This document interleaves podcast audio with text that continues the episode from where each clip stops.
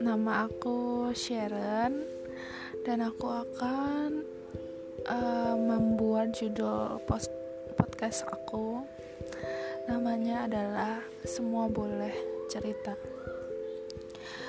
Kenapa aku memilih judul ini? Karena aku tahu bahwa semua orang tidak hanya ingin untuk mendengarkan saja. Semua orang berhak untuk bercerita. Semua orang berhak untuk mengeluarkan suaranya.